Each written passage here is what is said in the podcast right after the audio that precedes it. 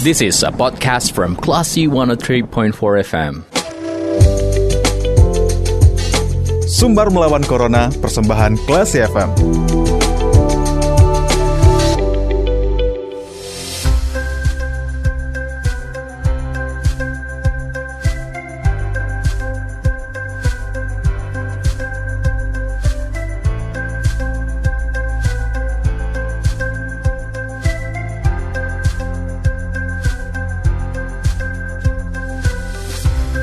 103,4 kelas FM bersama kita lawan Corona. Classy People, kembali Anda mencermati sumber melawan Corona, masih bersama saya Faris Hardana. Nah, bagaimana Classy People dengan vaksinasi COVID-19 yang dilakukan kepada para pekerja sektor pariwisata? Dan kita untuk membahasnya terhubung bersama Sekretaris Jenderal Perhimpunan Hotel dan Restoran Indonesia atau PHRI ada Bang Maulana Yusran. Kita akan sapa dulu Assalamualaikum, selamat sore Bang Maulana. Waalaikumsalam, selamat sore. Bagaimana kabarnya Bang? Alhamdulillah. Alhamdulillah. Uh, terkait dengan pandemi COVID-19 dan juga dampaknya untuk sektor pariwisata, uh, boleh tahu Bang uh, Maulana, kapan sih pekerja sektor pariwisata divaksinasi? Karena ini juga tentunya bersentuhan langsung dengan masyarakat atau juga para uh, wisatawan yang mungkin datang ke berbagai daerah. Ya, jadi secara nasional sebenarnya pengumpulan data untuk para pekerja pariwisata ya, khususnya di hotel dan restoran itu sudah dilakukan uh, dan diterima di Kementerian Pariwisata, uh, apa namanya, Kementerian Kesehatan, hmm, Enggak, oh, Kementerian baik. Kesehatan Baik. itu pada tanggal uh, 15 Februari yang lalu. Nah, kemudian pada tanggal 27 uh, 27 uh, Februari yang lalu itu uh, uh, dari Sumatera Barat sudah berkomunikasi dengan Kepala Dinas Kesehatan Hmm, uh, Sumbar Pak Ari ya, Hmm. uh, dan berkomunikasi dan terakhir dua minggu eh, seminggu yang lalu itu di, di ya udah komunikasi juga dengan Kabit P2P-nya di Dinkes Sumatera Barat. Jadi hmm, eh, berdasarkan informasi dari eh, Dinkes dari Hmm. eh, Kabit P2P itu sedang menunggu kedatangan vaksin yang eh, berikut. Hmm. Nah itu akan langsung dilaksanakan di untuk eh, apa namanya para pekerja hotel dan restoran, Hmm. khususnya yang sudah terdaftar ya di eh, Kementerian Kesehatan dengan data yang sudah dikolek pada hmm. tanggal 15 Februari yang lalu. Gitu. Berarti memang uh, kapan tanggal pastinya masih menunggu kepastian kapan uh, vaksinnya datang ke Sumatera Barat seperti itu ya Bang? Iya, ka- berdasarkan informasi dari Kabit P2P seperti itu. Hmm. Karena sifatnya kita eh, tinggal menunggu ya. Hmm. Sejak tanggal 27 Maret itu sudah di apa sudah dikomunikasikan sebenarnya. Namun Hmm. pelaksanaan yang belum dilaksanakan. Baik. Uh, sembari menunggu uh, vaksin tersebut datang ke Sumatera Barat yang nantinya akan divaksin kepada para pekerja sektor pariwisata, hotel dan restoran di Sumatera Barat, bagaimana dengan persiapan data uh, khususnya untuk pekerja uh, pariwisata di Sumatera Barat, Bang Maulana? Jadi eh, pengumpulan data itu sudah dilakukan sejak tanggal 29 Januari Hmm. 2021 karena kebetulan memang PRI sudah mendapatkan surat untuk permintaan pengumpulan data itu dari eh, Dirjen P2P Kementerian Kesehatan secara Hmm. nasional. Jadi pengumpulan data itu dilakukan secara nasional eh, dan data tenaga kerja yang sudah terkumpul itu sekitar 121.485. Itu khusus Memang di Sumatera Barat saja atau seperti apa? Tidak, seluruh Indonesia, seluruh. Indonesia. Seluruh Indonesia, nah di Sumatera Barat itu yang terkumpul itu sekitar 2.128 tenaga kerja. Hmm. Dan itu terdiri dari Kota Padang 1.721, Hmm. Bukit Tingginya 236, Kota Padang Panjang 14, Pariamannya ada satu, Kasawalunto 12, eh, Agam 58, dan Tanah Datar sekitar 91 orang. Hmm. Gitu. Baik, apakah data tersebut menyasar juga Bang eh, Bang Maulana untuk misalkan hotel-hotel yang eh, kecil atau restoran-restoran yang kecil atau kafe-kafe juga bakal disasar untuk ini? Iya, sebenarnya iya. Namun pada saat pem- eh, pendaftaran yang cukup singkat tersebut, Hmm. yang mendaftar itu memang eh, apa namanya tidak jumlahnya tidak terlalu banyak ya Hmm. karena memang eh, waktu pendaftaran itu terlalu singkat pada saat itu diberikan jadi memang situasinya memang tidak tidak menguntungkan untuk eh, apa semuanya masuk pada saat itu Hmm. jadi yang terkumpul itu ya cuma 2128 Hmm. sebenarnya jumlah tenaga kerja pariwisata ini Cukup kalau banyak. Menurut hemat kami ya cukup banyak ya. Hmm. Kalau kita data PHRI aja itu bisa sekitar hampir tiga ribuan Lebih. eh, lebih ya. Hmm. Eh, dan itu ya, kalau di luar anggota PHRI saya rasa itu bisa sekitar tujuh hampir tujuh ribu tenaga kerjanya Hmm. untuk hotel dan restoran saja belum yang lain ya di sektor lain. gitu. Baik. Kemudian Bang Maulana, itu kan ada sekitar 3.000 yang terdaftar di PHRI, kemudian 7.000 yang eh, belum terdaftar di PHRI. Apakah nantinya kalau ada kesempatan eh, vaksinasi gelombang kedua itu akan di eh, dari PHRI juga akan eh, merangkul teman-teman yang mungkin eh, lebih kurang 7.000 tadi? Ya sebenarnya memang eh, kita inginnya dibuka ya. Hmm. Namun pada saat pendaftaran tersebut tentu kan eh, organisasi harus bisa menjamin ini pembelakuan secara nasional Hmm. bahwa perusahaan yang mendaftarkan yang terdaftar tersebut memang memiliki kriteria ada perusahaannya gitu loh. Hmm, baik. Pimpinannya dan seterusnya. Karena kan ini kan memang dengan situasi peruntukan vaksin itu kan memang sudah dikonsentrasikan ke petugas pariwisata dan hotel dan restoran. Hmm. Nah tentu uh, di sisi lain mesti kita pastikan bahwa uh, apa namanya uh, pekerja tersebut adalah memang perusahaannya ada. Hmm. Itu dulu nomor satu. Nah untuk melakukan itu tentu PHRI harus mensortir berdasarkan uh, Kriteria- keanggotaan kriteria PHRI-nya. juga. Iya kriterianya. Jadi dia uh, perusahaan yang mendaftar itu harus memberikan NIB-nya, Hmm. ya kan? Tanda daftar usaha pariwisata sehingga validitas dari perusahaan itu ada dulu gitu loh. Hmm. Nah baru kemudian tenaga kerjanya didaftarkan. Hmm. Nah, memang itu bukan sesuatu yang mudah ya Hmm. kalau kita membuka saja kan tentu ada persoalan baru nantinya Iya. terhadap legalitas dari Hmm. perusahaan itu sendiri karena Dan tidak bisa dipertanggungjawabkan juga. juga- Ya betul itu harus harus akuntabel benar itu untuk mempertanggungjawabkan itu. Gitu. Baik. Kemudian Bang Maulana, sejauh ini selama pandemi COVID-19, bagaimana sih perkembangan pariwisata di Sumatera Barat khususnya, eh, Bang Maulana? Kalau kita eh, lihat dari situasi performance di Sumatera Barat itu sendiri ya Hmm. eh, sebenarnya kondisi kita bukan kondisi yang cukup baik juga ya. Hmm. Seben- eh, sebelum pandemik itu sebenarnya kalau kita bicara dari sisi okupansi, Sumatera Barat itu termasuk 10 destinasi terbaik ya Hmm. untuk okupansi ya, Hmm. 10 besar.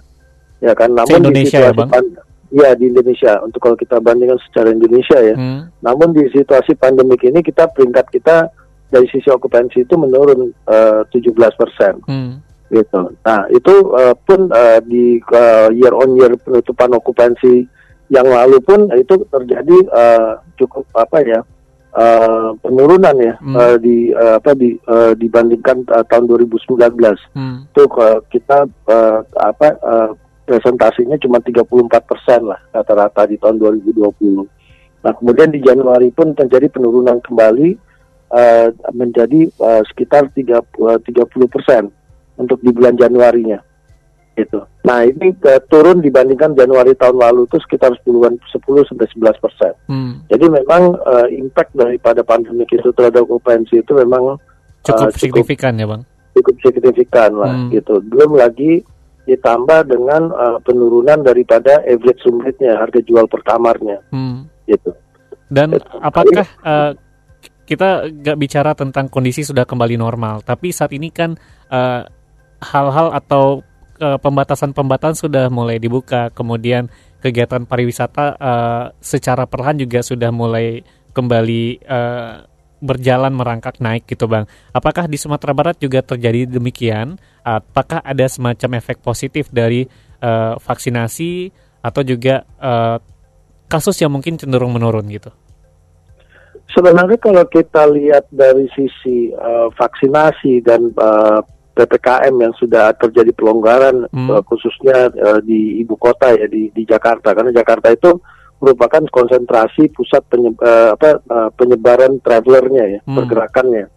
Nah dengan uh, pelonggaran-pelonggaran tersebut memang di kuartal pertama belum bisa kita rasakan karena memang ke kuartal pertama itu memang kebetulan adalah low season ya. Eh, mohon Eh, maaf nih bang, ini yang- kuartal pertama tahun 2021 kah maksudnya? Betul. Iya betul. Kuartal pertama 2021 itu memang masuknya di setiap kuartal pertama itu pasti low season. Hmm. Apalagi di Sumatera Barat yang memang eh, 30 sampai 40 persen kontribusi okupansi itu adalah dari eh, apa kegiatan-kegiatan pemerintah. Hmm. Nah, sehingga nanti baru bisa kita lihat nanti di eh, Maret setelah Hmm. setelah Maret lah nanti baru ada per, suatu pergerakan ya.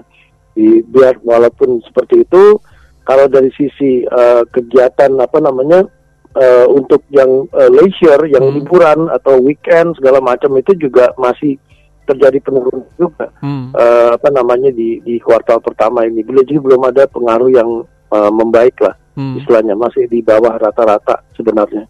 Jika, jika kita bandingkan dari tahun ke tahun ya, Hmm. gitu. Dan salah satu eh, sektor yang terdampak kan memang pariwisata. Bagaimana dengan Mhm. apakah ada semacam banyak yang mungkin akhirnya gulung tikar di Sumatera Barat hotel-hotel atau restoran dari data eh, PHRI Bang Maulana? Eh, sementara ini kita belum melihat ke arah sana Hmm. karena eh, apa namanya walaupun eh, bag- walaupun apa ya walaupun memang eh, situasinya buruk namun eh, sampai sejauh ini memang masih masih eh, dari sektor usahanya masih bisa bertahan lah Hmm. kan ada beberapa hal eh, stimulus yang juga diberikan oleh, Oleh melalui pemerintah. pemerintah ya Hmm. Iya, untuk bertahan itu masih ada. Nah, kita berharap nanti eh, tentu di eh, Lebaran nanti menjadi satu titik ke- eh, ini kan puasa sebentar lagi ya. Hmm. Dan momentum Lebaran biasanya menjadi momen suatu momentum sebenarnya eh, bagi eh, apa namanya pelaku Usaha pariwisata itu untuk pariwisata. Iya untuk untuk apa untuk tumbuh ya. Hmm. Seperti kemarin itu kan lumayan ada napas itu di akhir tahun Hmm. akhir tahun kemarin, akhir tahun 2020 kemarin kan Hmm. di awal Januarinya. Pembatasan dilakukan di akhir tahun, tapi pas Januari minggu pertama itu lumayan ada pertumbuhan okupansi. Hmm. Itulah napasnya sebenarnya yang bisa di, eh, di- didapat sama dari sektor hotel dan restoran pada saat itu. Nah, berharap sebentar lagi kita eh, ter- terjaga lagi dari eh, Lebaran nanti gitu. Hmm. Baik, berarti tingkat hunian atau okup- okupansinya cukup tinggi ketika awal-awal kemarin itu ya, Bang? Bisa dikatakan ada Iya. pertumbuhan positif gitu. Iya, positif itu lumayan pada saat liburan ya. Hmm. Itu kelebihan Sumatera Barat liburan itu lumayan membantu Hmm. sebenarnya. Baik. Gitu loh. Tapi dari sisi eh, kegiatan pemerintahnya belum terlalu banyak sih, masih agak cukup rendah. Hmm. Apalagi ada perubahan perilaku dengan banyaknya pertemuan secara daring ya sekarang Hmm. kan. Itu mempengaruhi juga sebenarnya. Kemudian target dari PHRI tingkat eh, okupansi ataupun tingkat pertumbuhan yang cukup positif untuk eh, pariwisata, hotel dan juga restoran ini kapan, Bang? Sudah membuat Kita semacam belum- estimasi kah gitu? Kita belum bisa membuat satu estimasi ya untuk hal tersebut. Hmm. Sebenarnya eh, pertama Sumatera Barat itu mempunyai kekuatan karena kita eh, apa eh, sumber income per- utama dari pariwisata itu adalah domestik memang. Hmm. Jadi kita tidak terlalu mengandalkan uh, wisman seperti Bali ya. Hmm. Nah itu kekuatan yang pertama gitu loh. Kemudian yang Domestiknya kedua, apakah memang seluruh Indonesia kah atau memang domestik dari eh, dalam Sumatera Barat sendiri, Bang Maulana? seluruh Indonesia, hampir hampir seluruh Indonesia. Hmm. Jadi khususnya dari Pulau Jawa ya, terutama yang paling besar tentu dari Pekanbaru. Hmm. Nah dan lingkaran Sumatera itu sendiri. Dan yang kedua, uh, Sumatera, Sumatera Barat itu masih menjadi salah satu destinasi yang terbaik ya dibandingkan yang lain untuk domestic travel. ya. Hmm. ya kan apalagi kalau kita bicara ada orang pulang mudik segala macam nah itu harapan di apa namanya di lebaran itu akan menjadi sesuatu yang menarik gitu Hmm. nah kita cuman melihatnya di sini eh, satu hal yang yang yang akan menjadi khawatirkan itu adalah pertama adalah karena kebijakan-kebijakan ini yang Hmm. justru yang menghambat kan ya kebijakan sepertinya eh, seperti testing testing Hmm. itu yang sekarang juga eh, jarak waktunya terlalu singkat ini juga menjadi permasalahan untuk traveler kan gini Hmm. kita juga nggak bisa mengandalkan yang kita andalkan sekarang yang eh, overland ya Hmm. melalui da- jalur darat tapi yang jalur eh, udaranya itu kan kita lihat terjadi penurunan kan Hmm. selama itu masih terjadi penurunan sudah pasti eh, apa namanya okupansi akan berpengaruh dan Hmm. yang kemudian yang paling penting eh, karena jalur darat itu lebih banyak tentu eh, reservasi itu menjadi last minute Hmm. tidak tidak terencana lah. Jadi susah kita memprediksi apakah itu terjadi pergerakannya uh, kita memprediksi 2-3 bulan sebelumnya Hmm. itu agak agak repot sekarang itu. Kalau sebelumnya reservasi bisa dilakukan eh, berbulan-bulan sebelum eh, Iya, kedatangan, betul. kalau sekarang memang memang di last minute gitu ya, Bang? Iya, lebih banyak last minute ya Ah. sekarang untuk reservasi itu gitu. Baik. Kemudian apa sih Bang pesannya mungkin bisa disampaikan di perbincangan kita di sore hari ini terkait dengan eh, pelaku-pelaku usaha di sektor pariwisata eh, untuk tetap bertahan di masa pandemi dan juga mungkin ajakan agar tetap eh, mau divaksin juga nih Bang.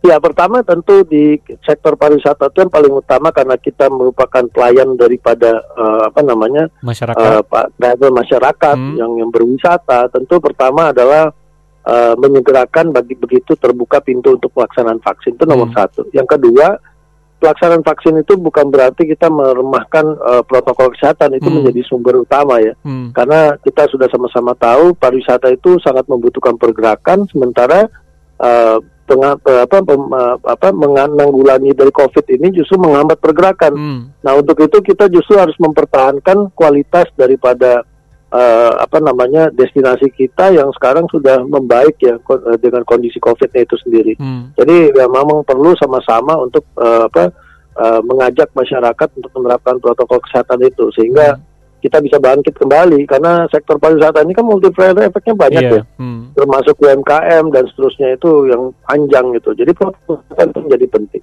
Kalau untuk masalah bertahan sebenarnya yang paling utama itu adalah eh, apa namanya memang harus bisa beradaptasi yang paling utama Hmm. adaptasi itu dengan uh, menyesuaikan uh, pembuatan paket-paketnya dan juga uh, apa namanya uh, menggrab travelernya dengan Hmm. kondisi yang ada saat ini itu yang paling penting sih sebenarnya karena ya ke- kelebihan daripada potensi alam di Sumatera Barat itu bisa menjadi satu uh, pegangan buat Hmm. uh, industri pariwisata sebenarnya untuk bertahan.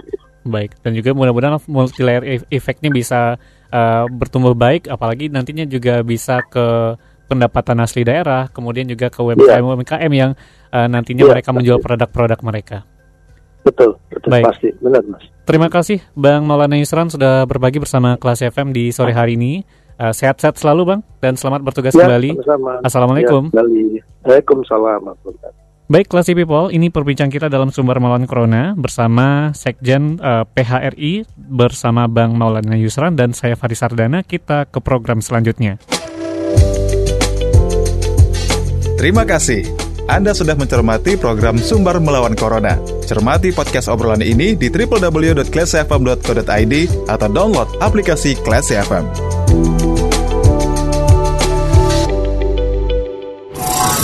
This is a podcast from Classy 103.4 FM.